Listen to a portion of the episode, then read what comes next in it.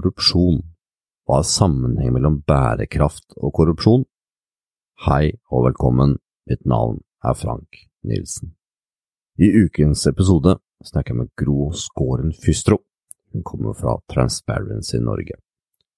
Gro har arbeidet med et bredt spekter av fagområdet internasjonal politikk, hvorav åtte år i FNs utviklingsprogram i Genéve, New York og Jakarta. Hun har vært tilknyttet TI Norge siden mai 2004, hvor hun har arbeidet med antikorrupsjon i Norge og internasjonalt. Så vi er innom hva er korrupsjon, og hvorfor burde bry deg om det, hvor utbredt er det, er vi nordmenn naive, og ikke minst hvilken sammenheng har det med bærekraft. Denne podkasten er laget med støtte fra Sparebank1 Østlandet. Den snart 175 år gamle banken har siden starten vært opptatt av å gi støtte samfunn og folk i nærområdet. Og som første bank i Norge tar de av overskuddet og betaler utbytte tilbake til kundene sine. Når det gjelder bærekraft, mener banken at det trengs mer kunnskap til folk flest, bærekraft kan oppfattes som et ullent og vanskelig begrep. Men en bærekraftig utvikling er helt avgjørende for både oss og fremtidige generasjoner. Derav den podkasten her. Derfor jobber banken med bærekraft på alle tenkelige måter for tiden, og har også valgt å støtte denne podkasten, noe jeg er utrolig takknemlig for. Så nå er det bare å ønske velkommen til Gro Skåren Fystro, og kos deg masse med dagens episode, og tusen, tusen takk for at du hører på. Da ønsker jeg Gro Skåren Fystro velkommen. Takk. Du kommer fra Transparency Norge. Og hva jobber dere med, Gro? Vi jobber med forebyggende arbeid mot korrupsjon. Gjennomgangstemaet vårt er jo åpenhet, trans transparency, derav navnet. Og det er fordi vi tenker at åpenhet er veldig viktig for å forebygge mot korrupsjon. Åpenhet i regnskaper, åpenhet i budsjetter, men også åpenhet i beslutninger, eh, saksbehandling, åpenhet i finans, mange temaer som egentlig handler om åpenhet, er et gjennomgangstema. Vi tenker det er viktig for å motvirke korrupsjon, men også dårlig styring og andre former for kriminalitet. Hva er korrupsjon? Straffeloven definerer det på følgende måte å gi eller tilby noen en utilbørlig fordel i anledning av stilling, verv eller oppdrag. Og da kan man jo spørre videre hva er sånne utilbørlige fordelsoverføringer? Det kan jo være mange forskjellige ting. Man tenker gjerne på bestikkelser eh, i den mest vulgære form, penger i en brun konvolutt under bordet. Det er kanskje en litt gammeldags måte å gjøre det på, men man jo, kan jo gjøre det på andre måter. Eh, men korrupsjon handler også om mye annet. Interessekonflikter. Det at man favoriserer eh, de man kjenner. Familien, studiekamerater. Og det er veldig vanlig, for eksempel i tildeling av kontrakter, for å få oppdrag osv. For å få jobb. Vi hadde jo en sak for en liten stund tilbake angående Siv Jensen og hennes hytte. Ja. For der var det en, noe som kunne være en interessekonflikt. Ja. Er det noe vi ser veldig mye av, eller? Ja, det er nok ganske utbredt, og jeg tror ofte at det er litt sånn bevisstløs holdning til det. At man ikke liksom ser bindinger straks og med en gang, eller man vet med seg selv at man ikke lar seg påvirke. Men det er i grunnen ikke nok, for det som betyr noe, det er jo også hvordan omverdenen vurderer dette. Og når dette da involverer høytstående politikere, ministre og rike finanspersoner, så er det klart at skepsisen begynner å melde seg, og da er det viktig å si fra. For det er én ting jeg er veldig nysgjerrig på. Det med å ha, gjøre tjenester og få ting til ligger veldig i menneskets natur. Motstrider vi litt menneskets natur når vi nå prøver å stoppe at vi gjør vennetjenester og den type ting, eller? Vanskelig spørsmål, men Ja, jeg synes det er et godt spørsmål, jeg, og til en viss grad så kan man jo si det, fordi at nå har jo dette gått så langt, dette med at man må være forsiktig med gaver og lunsjer og middager og vinflasker og jeg vet ikke hva, at man kanskje begynner å bli redd for å gjøre helt vanlige sosiale ting. Altså, noen ganger så er en gave en gave. En bursdagsgave, for eksempel, uten noe nærmere baktanke. Men selv det må man jo være litt forsiktig med hvis man er i en uh, offentlig posisjon eller jobber i, næringslivet, uh, med å motta eller gi fordi det kan oppfattes som en utilbørlig fordeloverføring og en påvirkning for å få noe ekstra. Uh, men altså, der er det en litt sånn delikat balansegang. Og det er jo viktig da å ikke tråkke over. Og så tenker vi igjen at åpenhet er viktig, kanskje si fra om ting, altså i hvert fall si fra om uh, dyre gaver som man har mottatt. Kan jo være en fordel. Ikke nødvendigvis alltid å beholde gaven selv heller, hvis man mottar noe i embets medfør. At man eh, deler det på kontoret, eller ja, i hvert fall er åpen om det, og ikke mottar store verdier uten å si noe. Men hvor utbredt er det? da?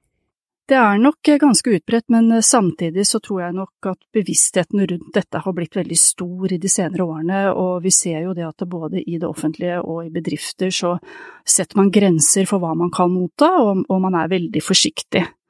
Og liksom man har dratt dette helt ned til et minimum. Eh, ikke desto mindre så er det klart at dette skjer. Man flytter det ikke bare vekk et annet fora, så ikke det er like synlig, eller? Det kan, det kan være. Eh, og så er det veldig ulike holdninger til dette hvis man eh, utvider horisonten og går ut i verden og ser, fordi i mange land så er det jo helt vanlig at man er nødt til å gi gaver for, for å i det hele tatt få oppnå noe. Eh, og det vi sier veldig klart fra om da til for eksempel norske bedrifter, det er jo at man ikke må tilpasse seg kulturen på det området der. Eh, at man ikke liksom eh, driver med en annen praksis på dette med gaver og uh, lunsj og middager og sånt noe i utlandet, det, eller i sånne land, enn det man ville gjort i Norge. At man kjører samme standard på sitt etiske regelverk uansett hvor i verden man opererer. Og det tror jeg nok sitter litt langt inne hos noen. Ja, for meg som er helt utenforstående i det her, da, på en måte ikke har noe kjennskap til korrupsjon eller andre ting, så må jeg ærlig om at når jeg hører på en måte den, den, type tanke om det, og jeg forstår tanken, for skal man gjøre noe med korrupsjon, så må man måtte ta der som korrupsjonen også er veldig til stede. Mm.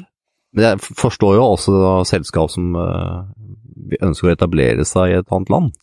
Uh, så er det veldig vanskelig å skulle etablere seg uten å følge på en måte de normene som er i landet, som gjerne er å gi gaver for å få en kontrakt. Det må ja. være vanskelig å komme over og mm. komme gjennom med. Ja. Det er vanskelig, og det krever jo en høy bevissthet og, man, eh, og åpenhet. Velger man ikke da på mange måter bort å måte få den kontrakten eller få det arbeidet i det landet hvis man eh, kjører linja der, eller? Jo, eh, man kan faktisk det, og det er jo derfor dette er problematisk for mange, liksom at man er redd for å miste kontrakter, miste muligheter. Eh, men samtidig så er det jo også internasjonalt blitt en mye høyere bevissthet rundt dette temaet. Det snakkes mye mer om det, pluss at det som kan lønne seg på kort sikt, kanskje ikke lønner seg på lengre sikt. Og vi vet jo at media har blitt veldig opptatt av dette temaet her i mange land, og graver i sånne ting og eh, eksponerer eh, skandaler. Eh, så det, jo, eh, så det, er jo, noe som kan være veldig skadelig for omdømmet til bedrifter, og det er jo gjerne noe man da tenker over liksom litt den langsiktige virkningen av det.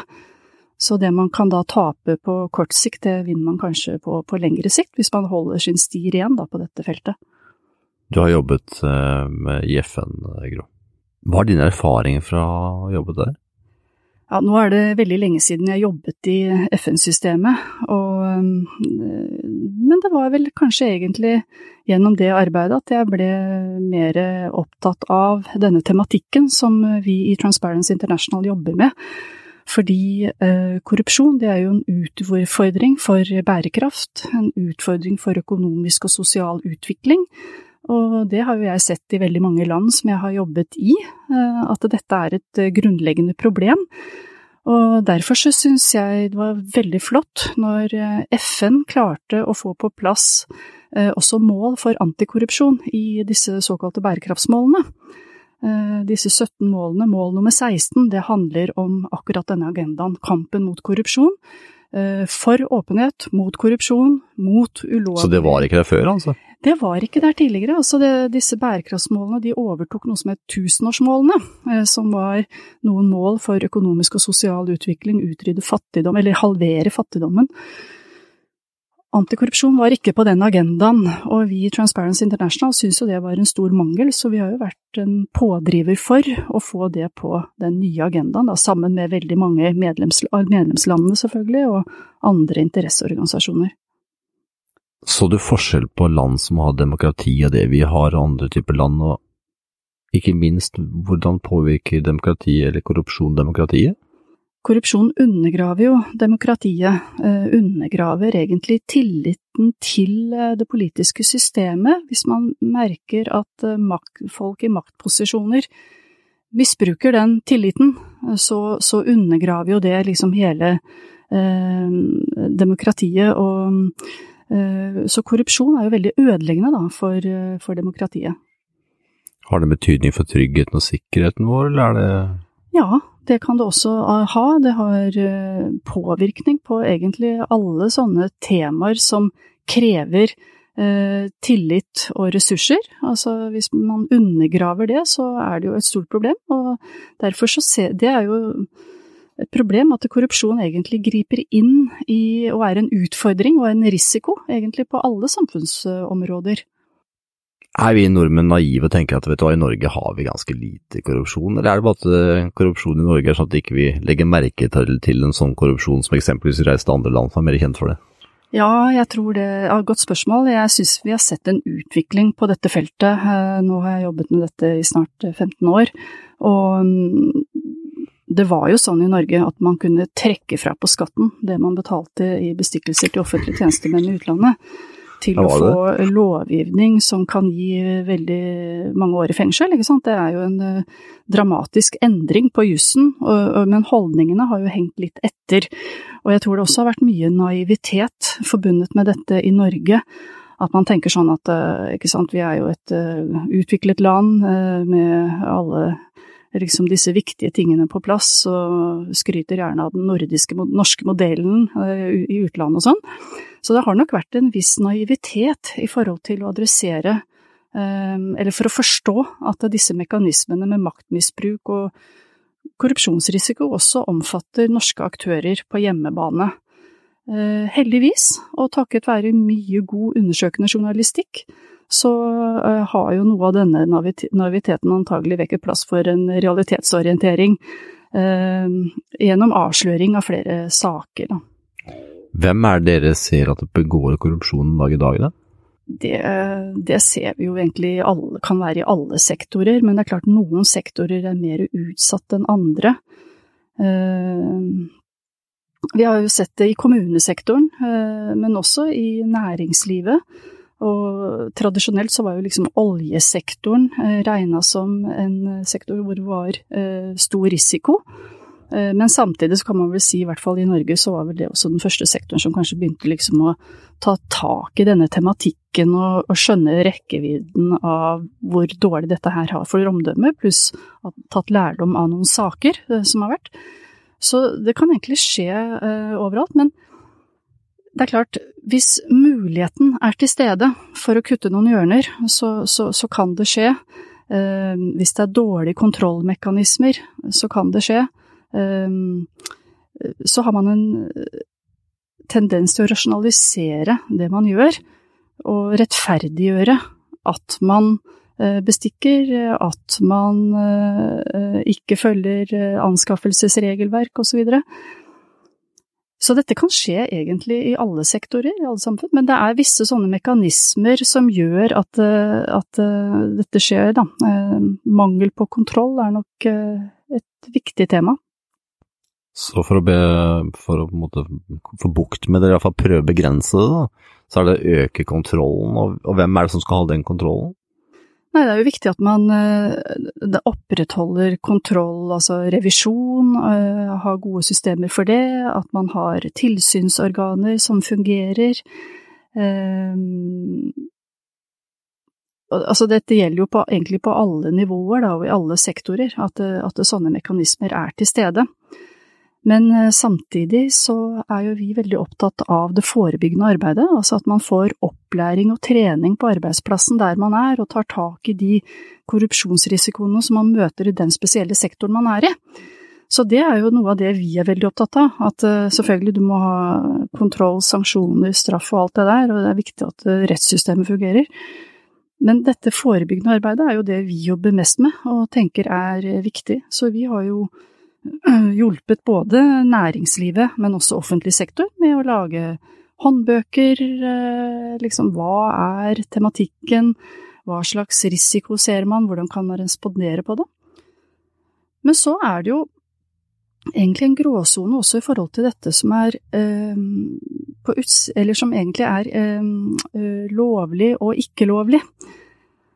Og etikken i det hele er jo også noe vi er veldig opptatt av å adressere, ikke bare hva som liksom er innenfor rent juridisk.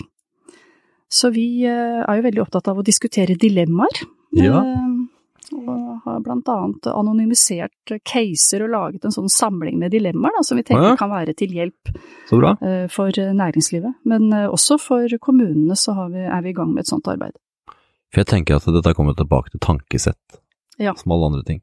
Og én ting er at man kan si at lovgivningen er sånn, men hvis man har noen ansatte som har et tankesett som kanskje går litt over de etiske reglene.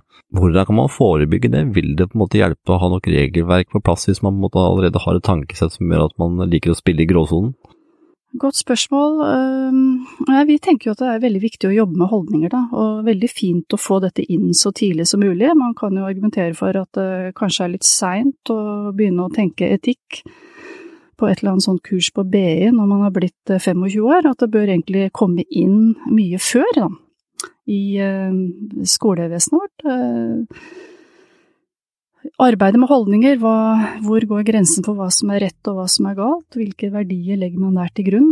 Det er klart det har betydning for hvordan man seinere i livet også forvalter et regelverk. Og så er vi jo heller ikke så naive at vi tror at bare fordi at man har liksom de rette reglene på plass, så blir de fulgt. Eller bare fordi at man vet det rette, så gjør man det rette. Eh, men vi tror det er en hjelp. Ja, for det jeg finner utfordrende det, det er den der balansegangen. Hvor er det på en måte stat har så mye kontroll som kontrollerer på en måte alt, og hvor er på en måte individet har frihet. Den balansegangen der, da. Den er Ja. utfordrende. Det er en eh, utfordrende balansegang, og det er jo viktig at man har denne friheten, men at man har en slags eh, bagasje hvor man har i hvert fall eh, blitt trent til å tenke i forhold til å sette grenser, da. Hva som er riktig og hva som er galt. Og da tenker jeg det også er viktig å bevisstgjøre rundt hvorfor vi er så opptatt av f.eks. korrupsjon, da i dette tilfellet her. Det er jo på grunn av skadevirkningene av korrupsjon. Det er jo det Hva som kan det kanskje være? må være motivasjon for å gjøre ting rett. Nei, det har jo um, veldig Altså, vi begynte å snakke om bærekraft. Det ødelegger jo for sosial og økonomisk utvikling. Det bidrar til større fattigdom i verden, bidrar til større forskjeller. Um, og det er jo de fattigste som lider aller mest uh, under et sånt uh, system, hvor, man må betale noe ekstra for å få utdanning, betale noe ekstra for å få uh, legehjelp. Man kan kjøpe sertifikat, for eksempel. Man kan jo bare tenke seg hva slags samfunnsmessige konsekvenser det er. Man kan kjøpe seg en doktorgrad, og hvis man da praktiserer og egentlig ikke er faglært i det man skal drive med, så kan man jo bare tenke seg hvilken skade man kan bidra til. Så det er på det nivået. Og så for bedrifter så er det jo selvfølgelig veldig kostbart eh, omdømmemessig, men også økonomisk, hvis man blir eh, tatt i en korrupsjonssak. Advokatomkostninger, saksomkostninger, eh, straff. Så og så er det jo selvfølgelig omdømmet for den enkelte person som står på spill. Så det må jo være en god motivasjon, tenker jeg da, for å gjøre ting riktig. Ja, jeg er opptatt av dette med tankesett som jeg var inne på litt tidligere. Og en ting jeg kan forstå det for et Jeg skal, skal prøve å forstå de forskjellige elementene her. Og for et selskap så kan jeg forstå omdømmet. Man ønsker på en måte å bevare omdømmet sitt. Det er ikke fint å få omdømmet sitt utover alle landets aviser med at man driver med korrupsjon. For en privatperson som ikke på en måte er under medienes søkelys, eller kom mest sannsynlig til å komme under medienes søkelys, hvilket tankesett tenker du at en privatperson må ha for å få bukt med korrupsjon og være med på at ting skal bli mer bærekraftig? Utgangspunktet tenker jeg må jo være at man også er da bevisst på hvilke negative konsekvenser det har både for samfunnet og for den virksomheten man er i og for, for en selv, eh, men også at man vet hva slags regelverk som gjelder. Og, og Ja. man jo, eh, omfatter jo også da den, den enkelte person.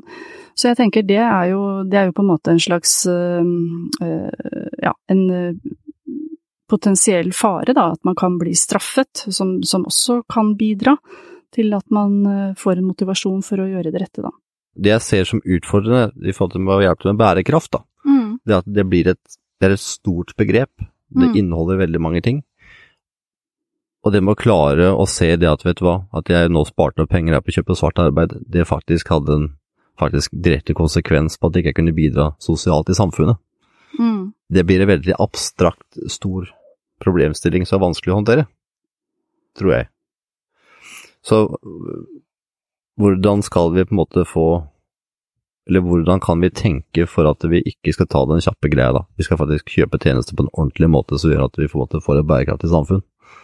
Ja, nei, det er jo vår sterke oppfordring at man følger eh, regelverket, da, rett og slett fordi at man eh, kan komme i veldig store problemer hvis man ikke gjør det, og det ødelegger jo også markedet, og det ødelegger liksom eh, konkurransen for de andre hvis, det, hvis, hvis mange liksom kommer unna med å ikke følge regler. Eh, Så, så, så vi er jo en sterk tilhenger av at man faktisk gjør det, Mm. altså. Ja. Og motivasjonen motivasjon eh, bør være ganske sterk, både i forhold til den der direkte straffen som det innebærer, og de økonomiske konsekvensene, men, men også hvis man eh, er samfunnsengasjert og ser liksom hvordan dette her ødelegger eh, i et større perspektiv, da. Mm.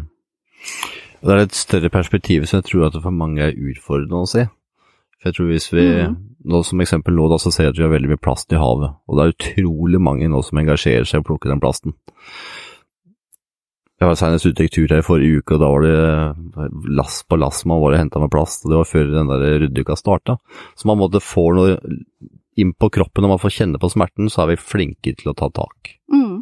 I Norge så har vi det veldig fint. Vi på en måte får på en måte all dukkene av det vi trenger. Og da tror jeg det er mer utfordrende å se at eh, ok, det valget jeg gjorde her nå, det, Mm. det vil påvirke sosialt, da.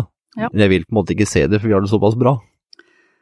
Det tror jeg du har veldig rett i, at det- som er veldig åpenbart og synlig, det er klart det ligger litt sånn i menneskets natur, at eh, hvis man har mulighetene til å oppnå noen kortsiktige fordeler uten at man egentlig ser, liksom, eller klarer Ja. å engasjere seg i hvorfor dette er eh, Så er det utfordrende. Ja, det, det- er veldig utfordrende, det er klart det er det.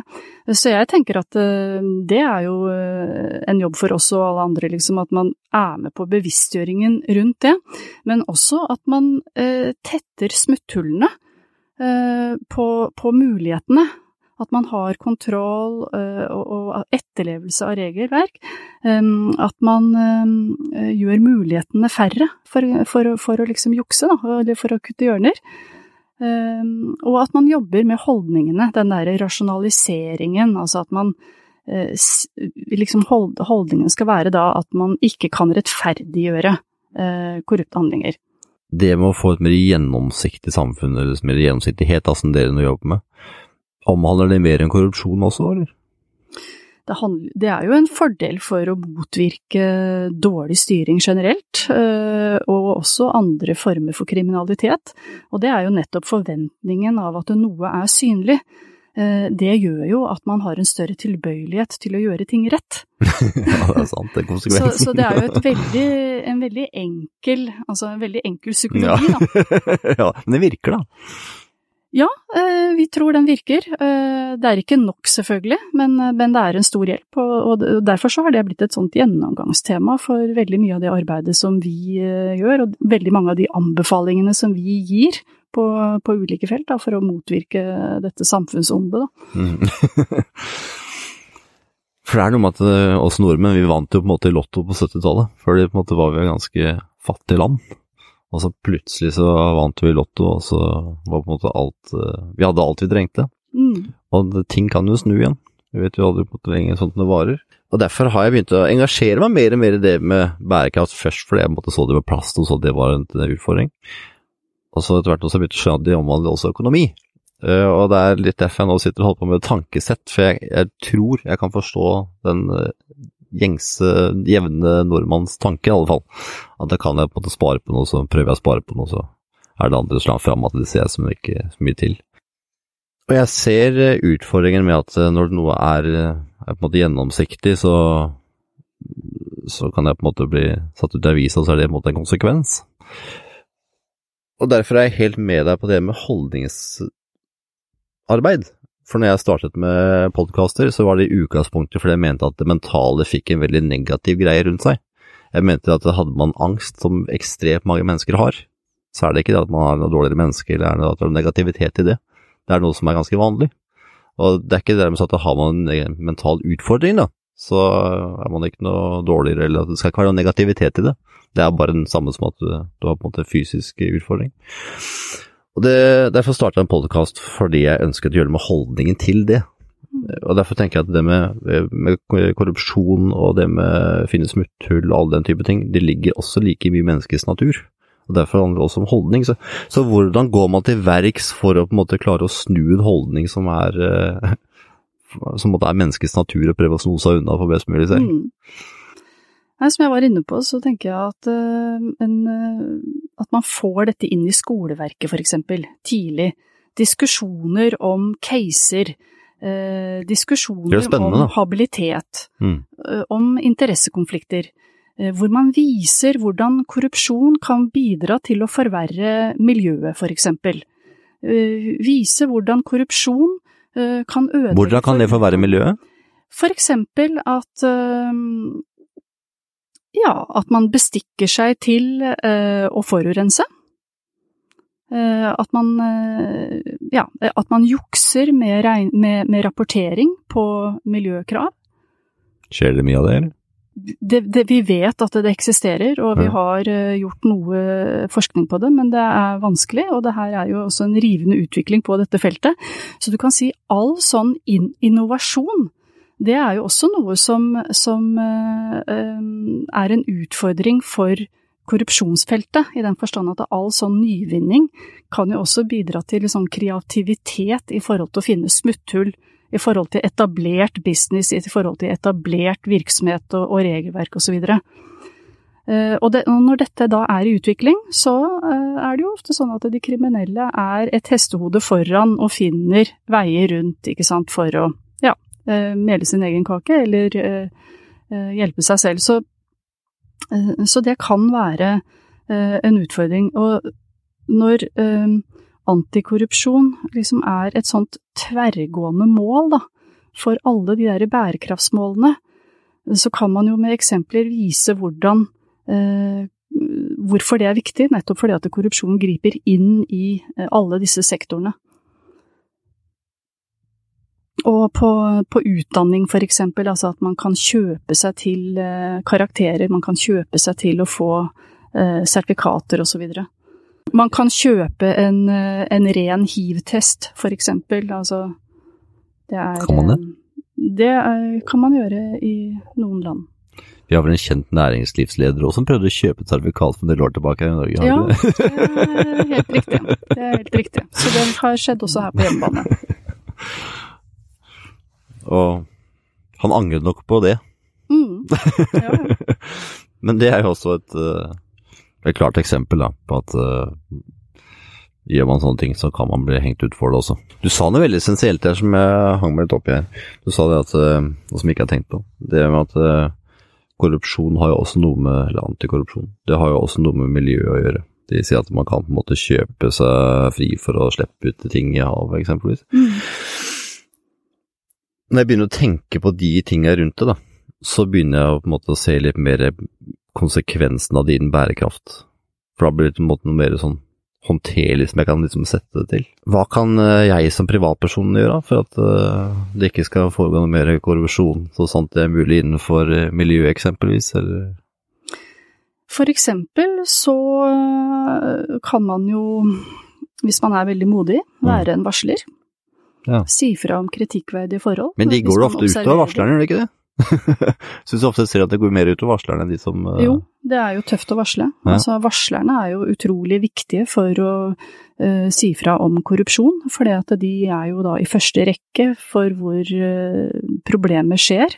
og kan rapportere da til en eller annen myndighet, altså enten det er på arbeidsplassen eller utenom. Men det er klart det er veldig tøft, og det er Det kan få veldig alvorlige konsekvenser for den som varsler. Og vi har jo ikke gode nok systemer for å ivareta varslerne. Men det er jo stadig forbedringer på gang, og en bevissthet rundt det. Og i fjor så husker jeg Erna Solberg sa på World Economic Forum, hvor hun foreslo en slags sånn metoo-kampanje mot korrupsjon. Uh, og i det så lå det vel et, uh, en oppfordring til å si fra om misligheter. Men jeg mener en sånn kampanje, en spontan kampanje, det er vel ikke noe man uh, egentlig bare erklærer, det er noe som skjer fordi noen har fått nok. Sånn som metoo var, noen hadde fått nok. For at det skal skje på korrupsjonsfeltet, så må det jo være trygge varslingskanaler, at man tør å si fra om ting, at man vet at man ikke nødvendigvis da ikke blir eh, straffet på noen som helst måte. Um, selv om vi har regelverk som, som, skal beskytte varslerne, så er jo ikke det nok, og det kan jo ofte være veldig subtile måter å straffe en som sier ifra på, av andres interesser. Du har jobbet med det feltet her nå i mange år. Hva er det som driver deg til å fortsette? Vi er ikke i mål. Eh, det er eh, Jeg tenker dette er et kontinuerlig arbeid som alle som eh, har en viss interesse av det, eh, vi inviterer de til å bidra i en koalisjon mot eh, korrupsjon. Dette er ikke et tema som man, et prosjekt som man gjør seg ferdig med. Vi har riktignok i vår visjon, står det noe om en verden fri for korrupsjon. Og det er jo litt sånn bevisst naivt, eller litt sånn bevisst at vi setter standarden veldig høyt, slik at man har noe å strekke seg etter. Og så tenker vi at dette er noe som man hele tiden er nødt til å hamre videre på, eh, fordi det kommer nye folk inn i de ulike virksomhetene som ikke har lært om dette temaet før. Det mm, må integreres, og man ser jo stadig også at det er saker og skandaler som, som avsløres, og det er vel også et tegn på at man må holde liksom bevisstheten oppe rundt temaet. Det er en viktig motivasjon. I forhold til bærekraft og sånn, noe jeg ikke har spurt om, eller er det noe du tenker at vi burde snakke litt om som ikke har spurt om? Jeg tenker at uh, det som gjelder uh, for å oppnå uh, disse målene, da, en verden fri for fattigdom er det vel, innen 2030, det er jo et utrolig ambisiøst mål så må jo alle disse Så må man jo jobbe med alle disse 17 bærekraftsmålene samtidig, og ha fullt trøkk på dem. Og antikorrupsjonsagendaen, den går jo gjennom alle disse 17 målene. Pluss at det er mål i seg selv, som går på å be, liksom redusere bestikkelser, eh, større åpenhet i offentlig sektor, eh, stoppe ulovlige pengestrømmer. Eh, så ja, jeg tenker at uh, man er nødt til å liksom jobbe med alle disse tingene samtidig, og ikke, og, og ikke være sånn veldig i silotenkningen, da. Selv om dette uh, er delt opp i delmål for at man skal kunne håndtere det. Men det er jo en kjempestor utfordring, og det er viktig at man mobiliserer uh, også næringslivet, altså mobiliserer egentlig alle virksomheter inn i dette. Og det gjelder alle land, det gjelder også Norge, ikke sant. Det er ikke bare utviklingslandene Eh, det er jo det som var det nye med bærekraftsmålene, at det gjelder eh, alle land som er medlemmer av FN. Hva er de 17 punktene? Det er jo mål på helse, utvikling, miljø, vann, liv livet over vann, livet under vann, fred, sikkerhet, samarbeid. Ja. Veldig mange. Så korrupsjon og antikorrupsjon er et veldig stort tema. Og det, er et veldig stort tema. Og det er veldig tema. mange områder. Tusen takk for at du tok tid til å prate med meg, Gro. Det var veldig spennende og informativt, og det som jeg liker veldig godt med samtalen, er at for hver gang så kommer det en ny tanke som gjør at jeg begynner hm, får en andre perspektiv på ting. Og det ga meg perspektivet med at eh, korrupsjon eh, har en innvirkning også på miljø og andre elementer. Altså. For det blir jo veldig fort at man forbinder korrupsjon med eksempel svart arbeid. Da. For det har man på en måte mm. hørt så veldig mye om. Mm. Og så er det på en måte det man linker til er på en måte korrupsjon i politikere, eller på en måte som man også hører veldig mye om. Mm. Eller til svart arbeid. Og så plutselig så tenker jeg hm, korrupsjon har faktisk noe med det man ønsker å oppnå, da. Og det er å gjøre noe med miljø eller andre type ting. Så takk for det. Men det har jo veldig mye med styring å gjøre, ikke sant. Mm. Altså også offentlig styring. Mm. Og, og, da er veldig, og, og da har jo det konsekvenser også for alle de sektorene der som, som de målene omfatter. Siste spørsmål. Hvordan kan vi gjøre hvor, Du har vært inne på det allerede, jeg vil gjerne konkretisere det litt. Hvordan kan vi prøve å få kontroll på styringen for meg som oppfatter at mye av styringen kanskje er lobbyvirksomhet, eller er innflytelse, eller er tjenester? Hvordan kan vi på en måte få litt bukt med det? Altså, lobbyisme er jo en eh, lovlig, en demokratisk, eh, lovlig måte å forsøke å påvirke på. Det som er viktig, er at man har åpenhet rundt det, og, og da burde man jo klare å få til sånne elementære ting som å ha et eh, lobbyregister, for eksempel, på Stortinget. Det er jo noe som merksnodig nok aldri klarte å få gjennomslag for, enda det har vært prøvd ganske mange ganger og alltid blitt nedstemt. Eh, altså rett og slett et register som, som sier liksom eh, eh, hvem det er som ønsker kontakt med hvem. Mm. Det tenker vi må være et minimum. Det har man klart å få til i mange andre land, det burde vi også klare å få til i Norge. Ja, så de har det i andre land, altså? Noen land har det, så, Ja. så det, det tenker vi er et sånt tema som, Mm. så, som vi ønsker å få, en, en, sånn, en konkret sak som vi ønsker å få på plass i Norge, da. Er det andre skandinaviske land som har det, eller? Nei, det tror jeg ikke. Nei. Tusen takk for tida di, Agra. Bare. Ha det bra.